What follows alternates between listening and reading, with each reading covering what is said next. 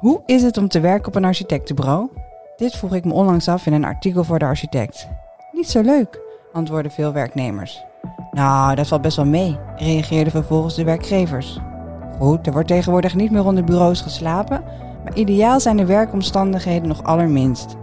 Wat kunnen we doen om dit te verbeteren? In een speciale podcastreeks over hoe werkt de architect ga ik samen met Thijs van Spaandonk op zoek naar antwoorden. Nou, welkom allemaal. Ik ben Merel Pitt, hoofdredacteur van de Architect. En naast mij zit uh, Thijs van Spaandonk, mijn tafelheer. Welkom Thijs. Ja, dank voor de uitnodiging. Fijn dat je er weer bij bent. Dit is alweer uh, de derde aflevering in de reeks van zeven. En uh, vandaag gaan we het hebben over de werkcultuur bij architectenbureaus. En dit keer niet over passie of werknemerschap, maar meer over werkgeverschap. En hoe kijk jij tegen werkgeverschap aan? Je bent zelf ook een werkgever. Ja, en ik vind dat heel ingewikkeld. Dat vind, ik vind dat het moeilijkste wat er is om uh, goede werkgever te zijn. Um, ja, probeer natuurlijk uh, uh, ja, het beste te doen voor je, voor je werknemers. En ook een soort ja, sfeer of een, of een plek te creëren waarin zij zich ook ehm, nou ja, zo vrij mogelijk voelen om te doen waarvan ik denk dat ze goed in zijn. En, um, maar ik vind dat heel moeilijk, omdat we daar ook gewoon niet in opgeleid worden. En dat daar ook niet echt, uh, nou ja, er wordt niet te veel aandacht aan besteed, denk ik altijd. En je hebt zelf ook bij uh, verschillende bureaus gewerkt. Maar wat vond je dan zelf fijn aan een werkgever? Het fijnste vond ik dat je, omdat je natuurlijk altijd heel erg met de inhoud bezig bent in, in ons vak, zeker als het gaat over dingen die wij dan doen, die heet dan ontwerp met onderzoek, dat je met elkaar als team aan opgaven werkt. Dus uh, elkaars gedachten, zeg maar, de, je, je gedachten kunt delen met anderen en samen, zeg maar, in workshops en brainstorms nadenkt over, hey, hoe gaan we hiermee om? Wat gaan we met deze opgave doen? Dus ik vond dat het allerbelangrijkste. Dus ik probeer dat ook zoveel mogelijk um, in gesprek, in, in, in werksessies, binnen het bureau, met elkaar die projecten te doen. Ja, dus het samenwerken vind je erg belangrijk. Ik ben heel benieuwd uh, hoe onze gast uh, daarover denkt. Welkom Inger Kameraad. Dankjewel. Fijn dat je er bent. Jij bent uh, algemeen directeur van MVDW. En volgens mij is MVDW een van de grootste architectenbureaus van Nederland. Klopt dat? Dat klopt, ja. Zijn we de grootste? Dat durf ik niet helemaal zeker te zeggen, maar ik denk het eigenlijk van wel. Wij zijn met ruim 300 mensen, waarvan 280 ongeveer in Rotterdam. En de rest in buitenlandse kantoren. Ja, vier buitenlandse kantoren hebben jullie. Klopt, ja. En uh, jouw functie is dat je leiding geeft aan deze directeuren van de vestigingen. Ook ben je verantwoordelijk voor het HR-beleid en je doet contractmanagement. Klopt allemaal, ja. Toch een heleboel voor zo'n groot bureau. Het is een heleboel, maar ik doe dat niet alleen.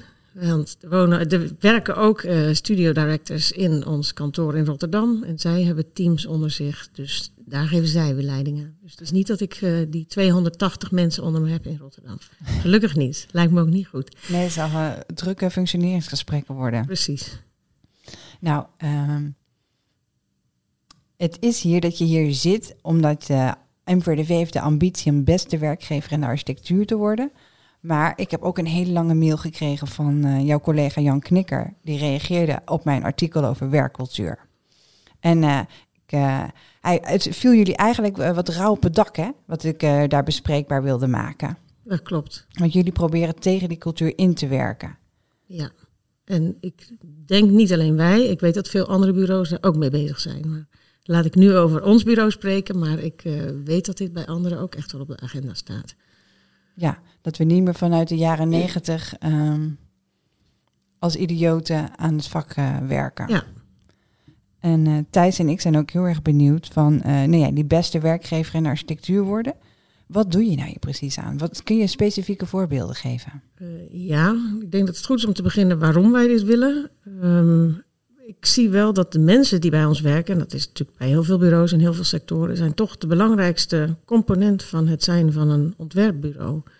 Dus die mensen kan je maar beter tevreden houden. Die kan je maar beter zorgen dat die een goede werk-privé-balans kunnen hebben. Dat die langdurig inzetbaar blijven. Dus dat die, ja, met andere woorden, gewoon gelukkig zijn op hun werk. Uh, wat wij concreet bijvoorbeeld hebben gedaan in overleg met onze OR. Wij zijn, ik geloof een jaar of acht geleden, over de 100 medewerkers gekomen. Dan ben je verplicht in Nederland om een ondernemingsraad te hebben. In overleg met de OR, maar daarvoor eigenlijk ook al, maar dat heeft het wel wat versneld hebben wij heel veel gesprekken gevoerd over overwerk.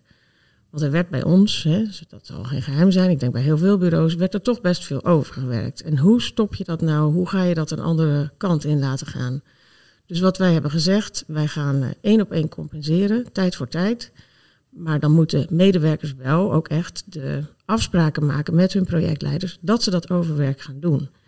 Dat je niet op eigen gelegenheid denkt, ik ga vanavond nog even door en dan ga ik dat allemaal bij elkaar opbouwen en dan heb ik straks een week extra vakantie. Nee, als we collectief vinden dat het overwerk nodig is, want er moet een deadline gehaald worden of nou, om wat voor reden dan ook, dan maak je daar afspraken over en daarna kan je die tijd compenseren één op één. Dus dat is voor ons een, een belangrijke ingreep geweest om ook veel meer balans aan te brengen. Sowieso dat er minder overgewerkt wordt, maar als het dan nodig is, dat je dat gewoon ja, kan compenseren. Ja, klinkt toch goed, hè? Ja, nee, ik, ik, het eerste wat je zei eigenlijk ging over dat inzicht dat je werknemers eigenlijk het belangrijkste kapitaal zijn van je onderneming. En ik denk dat dat zo is. Maar is dat een. Ik heb ook het gevoel dat dat een relatief nieuw inzicht is in de sector. Dat zou kunnen. Ehm, ja, ik kan alleen voor mezelf spreken wat ik daarvan vind. Ehm, ik denk dat dat een heel erg gemiste kans is. Als je dat niet zo ziet. Ik denk dat er ook wel tijden zijn geweest dat er eh, veel junioren dan komen werken. Die werken een paar jaar, die zijn helemaal doorgedraaid omdat ze zoveel uren hebben moeten maken. En dan ga je na een paar jaar weer met een nieuwe junior beginnen. Ik denk dat dat uiteindelijk ook de kwaliteit van je projecten helemaal niet ten gunste komt.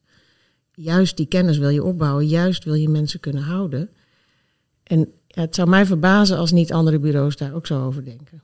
Ja, kijk, ik zit natuurlijk één dag, één dag in de week op de Academie van Bouwkunst. Zijn we natuurlijk ook met studenten veel gesprekken. Die, die studenten zijn ook uh, werknemer ergens. En dat is geen grote klaagzang hoor. Dus er zijn heel veel werkplekken die ik hoor waar men echt bezig is van hoe kun je een goede werkomgeving creëren met elkaar. Gelukkig. Dus dat ja. is, dat, Ja. daar, daar ben ik op zich heel enthousiast over. Maar ik merk gewoon, er zijn nog, ik hoor nog steeds wel verhalen. Er zijn gewoon nog steeds bureaus die eh, na het opbranden van vooral junioren, stagiaires of überhaupt mensen met een diploma als stagiair aannemen. Die praktijk is nog niet, ehm, nog niet uitgebannen, zou ik kunnen zeggen. Maar het is wel goed om te horen dat daar gewoon serieuze stappen in genomen worden. Zijn er eh, mensen die eh, bij jullie ook studeren aan de Academie van Bouwkunst? Ja. ja, er zitten er wel een paar. Ja, niet, niet heel veel, maar er zijn er wel een aantal. En, Ja. ook, eh, en we hebben best wel docenten die ook werken bij NVDV en Ja. dan op vrijdag bij ons docent zijn. Ja. En iets anders wat wij ook doen is ook vooral het gesprek hierover opengooien. Dat mensen ook het gevoel hebben dat ze dit eh, bespreekbaar kunnen maken. Ik had laatst een collega die zei, ja, ik vind het allemaal best wel zwaar. Ik weet ook niet zo goed waar ik naartoe moet met mijn, eh, met mijn verhaal. Wat moet ik nu doen? Als daar dan een manager bij zit die dat hoort, die vervolgens met die persoon het gesprek aangaat met de manager. Je gaat veel meer met elkaar het gesprek aan. Wat is er nou eigenlijk aan de hand? En als je met elkaar gaat begrijpen wat er aan de hand is, wordt het ook eenvoudiger om dat op te lossen. Dus voor mij is ook een hele belangrijk om die cultuur van dingen op tafel gooien, dingen met elkaar bespreken en samen naar een oplossing werken, staat voor mij heel hoog in het vaandel. En het is ook iets wat wij regelmatig terug laten komen. Ik geef elk kwartaal een update aan het hele bureau. Dat gaat over van alles wat er speelt. Maar heel vaak gaat het ook over HR-aangelegenheden. Weet waar je naartoe moet. Weet bij wie je met welke vragen aan kan kloppen. En weet ook dat daar dan naar geluisterd wordt. Dus dat, het hangt voor mij wel allemaal met elkaar samen. En dat eh, kan ik me voorstellen dat het ook bepaalde skills eist van de mensen die bij jullie werken. Zeker van die manager. Waarschijnlijk een eh, vakfreak, houdt lekker van architectuur maken en krijgt in één keer mensen onder zich waar die leiding aan moet geven. Dat is in één keer een hele andere tak van sport. Klopt. Ja, en ik vind het wel interessant waar jij mee begon, Thijs, dat dat iets is wat je helemaal niet leert in je opleiding. Het is heel erg op de inhoud. En dat is natuurlijk het voordeel van een groot bureau hebben, dat je een HR-afdeling hebt, dat je specifieke eh, skills binnen je bureau binnenbrengt. Maar een van de dingen die wij ook hebben gedaan is een, nou verplicht klinkt een beetje hard, maar dat is het wel, een verplichte training voor iedereen die een projectleider is. Dus we hebben een externe trainer binnengehaald die op social skills, hoe ga je in gesprek aan, hoe zie je dat een medewerker eigenlijk het eh, water aan de lippen staat, wat doe je dan, hoe communiceer je daarmee. En dat moet iedereen die een, ja, een team aanstuurt, moet die training volgen. En natuurlijk, hè, dan heb je het nog steeds niet allemaal opgelost, maar ook daar weer dat je daar dan ook voor oog voor hebt, dat je daar met elkaar het gesprek over gaat, dat iedereen die training ook volgt en dat je elkaar daar ook weer op aan kan spreken.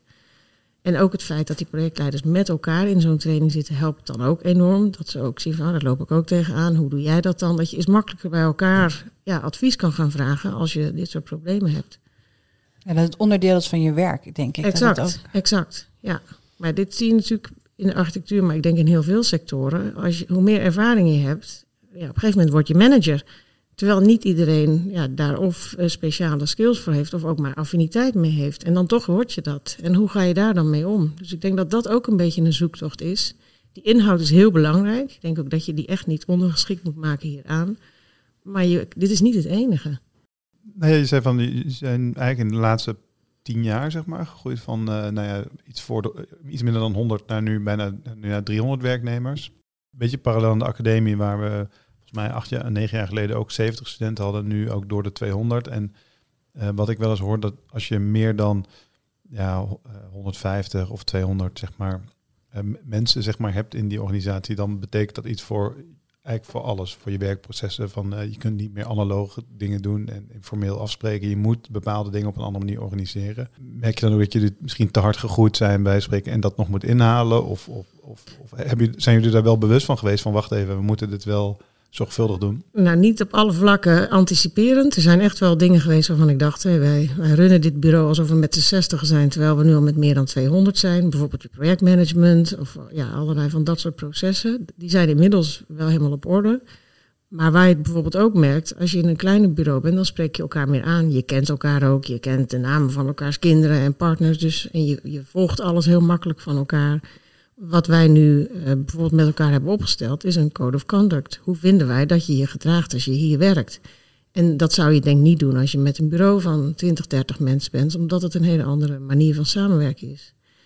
En dat zijn dan ook dingen die je actief gaat communiceren binnen het bureau, ook actief gaat communiceren. Wat als jij vindt dat iemand handelt tegen die code of conduct, waar ga je dan heen? Hoe, hoe, ja, welk, wat zijn dan de stappen die je kan zetten?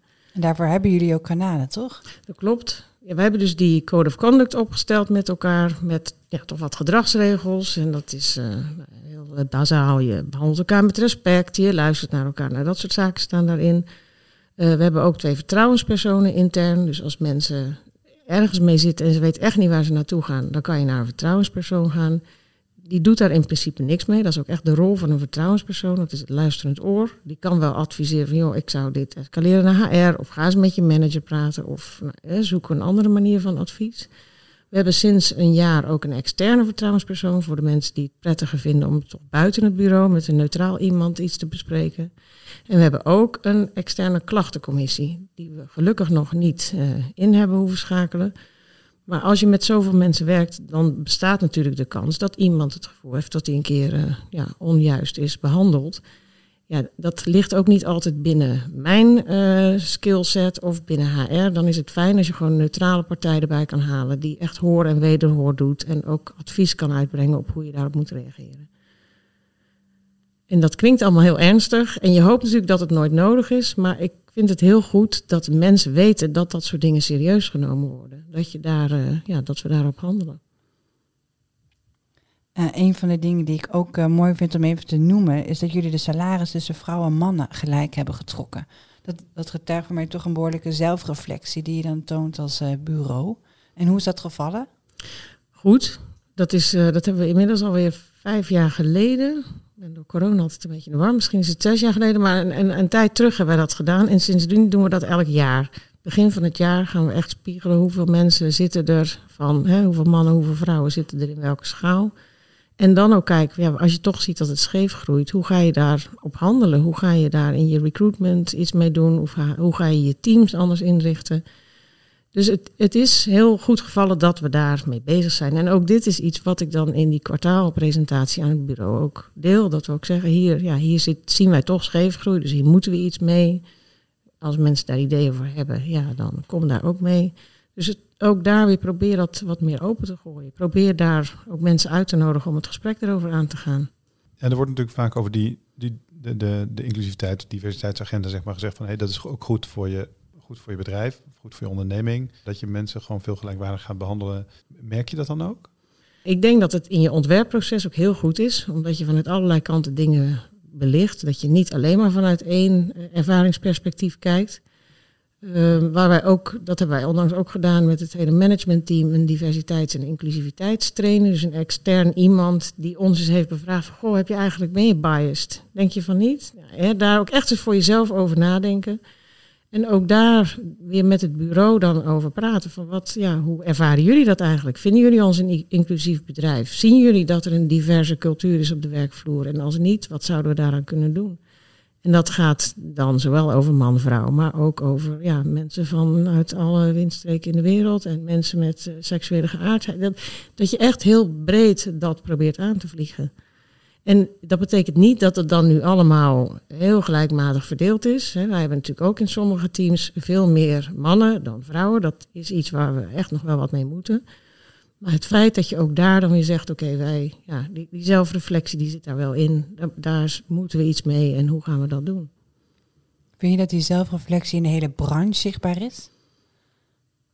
Durf ik niet helemaal te zeggen. Ik denk,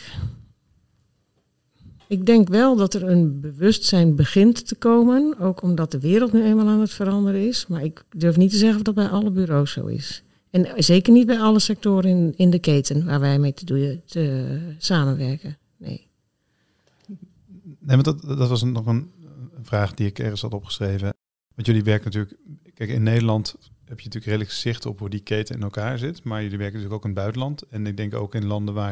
eigenlijk helemaal geen zicht hebt op die keten, of veel minder. Hoe, hoe kun je daar toch als bureau dan invloed op uitoefenen? Dat is standaard die je zelf oplegt, ook in die hele keten eigenlijk doorgewerkt. We hebben in de landen waar we lokale offices hebben, daar is dat natuurlijk iets makkelijker. In Parijs met een eh, lokale partij samenwerken, daar kan je dan iets meer zelf daar ook een gesprek over aangaan en met je opdrachtgever praten. Sowieso heb je wel een andere rol, een veel steviger rol in Frankrijk dan in Nederland bijvoorbeeld. Uh, en in Duitsland doen we dat ook. In landen waar wij één of twee projecten hebben, is dat echt wel veel moeilijker, ja, om daar... Uh, ja, daar grip op te krijgen. En wij zijn wel bezig ook met een gedragscode voor onze klanten. Dat je ook daar gaat zeggen van ja, dit is hoe wij met elkaar om willen gaan. En, en zijn er uiteindelijk ook conclusies aan te verbinden? Ik wil niet heel ver, maar, maar dat je zegt van uh, wij besluiten dan niet meer in uh, met die of die opdrachtgevers samen te werken, omdat zij niet in staat zijn om het om die standaard zeg maar die wij voor onszelf in ieder geval benoemen, om die, om die standaard ook ehm, te hanteren. Ja, daar, daar kan je twee kanten op denken. Kan je of denken, die opdrachtgevers werken niet meer mee. Of je denkt, ik werk er wel mee en ik probeer dit uh, juist een, een onderwerp van gesprek te maken. En dat hangt een beetje vanaf hoe je met je opdrachtgever, hè, wat voor relatie je daarmee hebt, of je daar vaker mee werkt.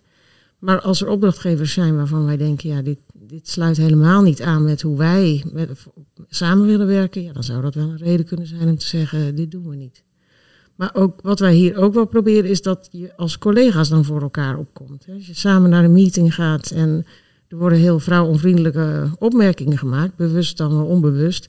Dat je als collega die daarbij is, ook elkaar daar, dat je, dat je dan even zegt, zo, dit doen we niet, dit vinden wij niet acceptabel, dat je zo tegen elkaar praat. En nou, ik denk dat we daar nog heel erg in het begin zitten, maar daar geloof ik ook wel in, dat je dat met elkaar veel meer moet gaan oppakken. En is dat wel eens voorgekomen, zo'n situatie? Jazeker, ja.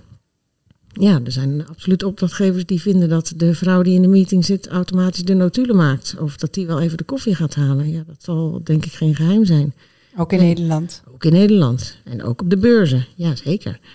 En dat zit dan heel erg bij die opdrachtgevende kant. Dat is in mijn, ja, zoals ik het zie wel. Maar ik kan dat niet helemaal uh, bevestigen. Maar dat is wel een grote factor, ja. En ik vroeg mezelf nog af, want je, jullie pleiten heel erg voor van wij willen de beste werkgever binnen de architectenbranche eigenlijk zijn.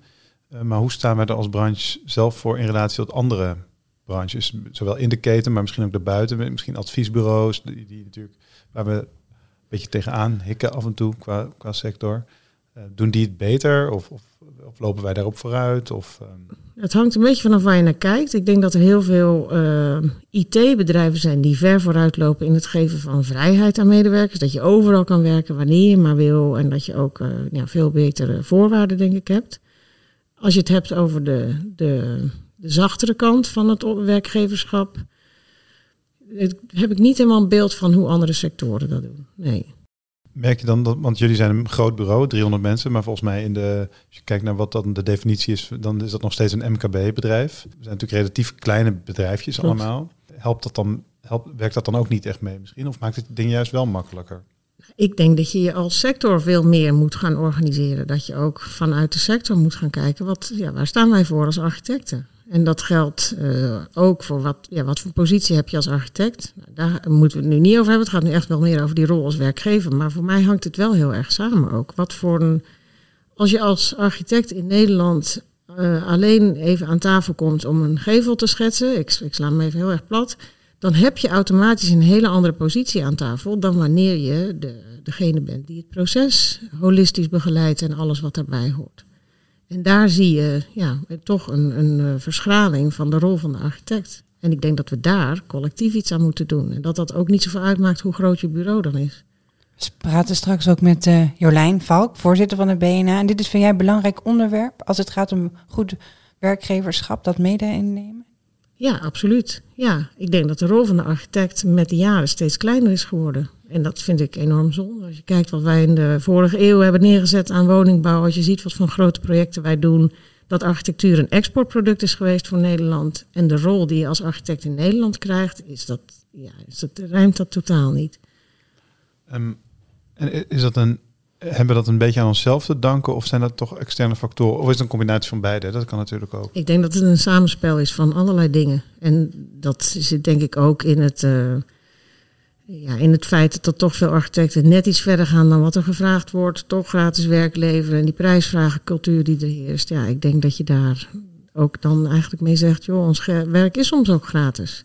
Ja, waarom? Zit dan die passie in de weg? In de vorige podcast hebben we daar lang over gesproken. Dat je toch graag het onderste eruit wil halen.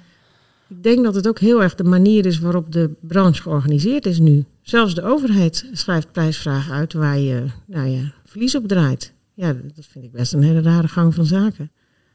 Als je zegt, dit is een belangrijk vakgebied, het is een exportproduct. We hebben daar vorig jaar, in de vorige eeuw, heel veel grote projecten mee gerealiseerd.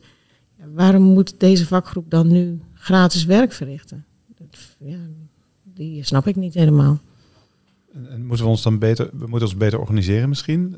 Maar is er dan ook een, misschien een gebrek aan solidariteit tussen bureaus? Omdat er altijd wel iemand is die zegt van ja, ik doe het wel. Net als weet je, we spreken af met de hele klas dat we die, eh, dat we die les gaan spijbelen omdat we het niet eens zijn met de docent. Maar er is er altijd eentje die zegt van uh, oh, maar ik ga, wel, ik ga wel dat brave jongetje, ik ga het wel lekker doen. Maar ik denk dat je daar ook in een visieuze cirkel zit. Ik kan me heel goed voorstellen dat er ook bureaus zijn die zeggen ja, ik, ik heb liever dat ik nu uh, een klein beetje verlies heb, maar dat ik wel mijn team medewerkers in dienst kan houden. Want anders heb ik niks. En ik denk niet dat het altijd per se is om elkaar onderuit te helpen. Het is ook een soort overlevingsdrift die bureaus dan hebben.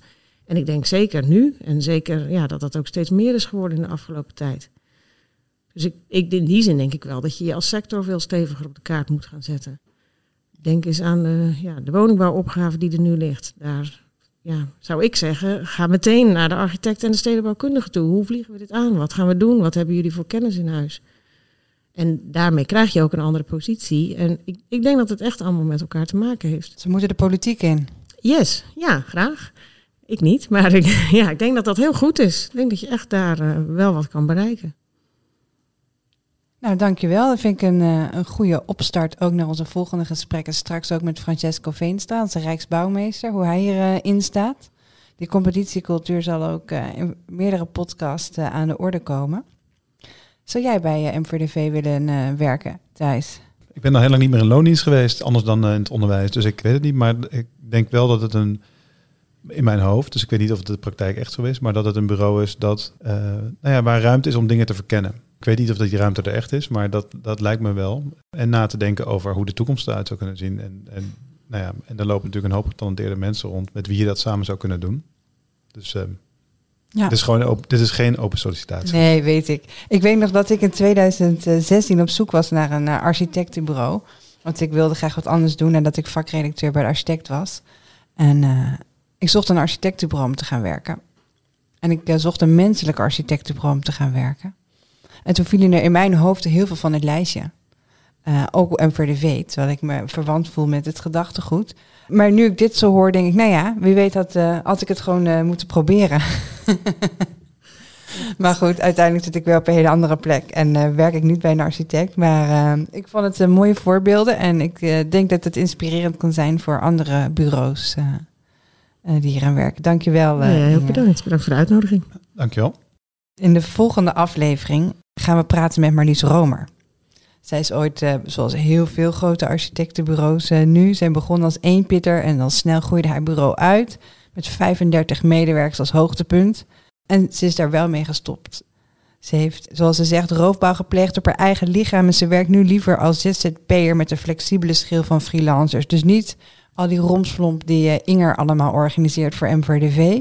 Maar gewoon mensen werken die je leuk vindt. En als een prijsvraag niet doorgaat, heeft dat niet zo'n enorme consequentie. Want je bent maar alleen. Ik ben heel erg benieuwd naar uh, het gesprek en de les die ze wil delen. En ja, ze heeft ooit zo'n boek ook uh, gemaakt hè, van um, over haar gebouwen. Even, ik ben even de naam kwijt. Um, nou ja, dat ze in ieder geval naar oude projecten teruggaat om te reflecteren op hoe het nou gaat. En dus ik denk ook dat ze zo kan reflecteren op hoe ze haar eigen bureau heeft geleid. Het gesprek komt uh, op 14 november online. Houd onze socials en nieuwsbrief in de gaten en uh, dan hoor je hem meteen. Dank jullie wel allemaal.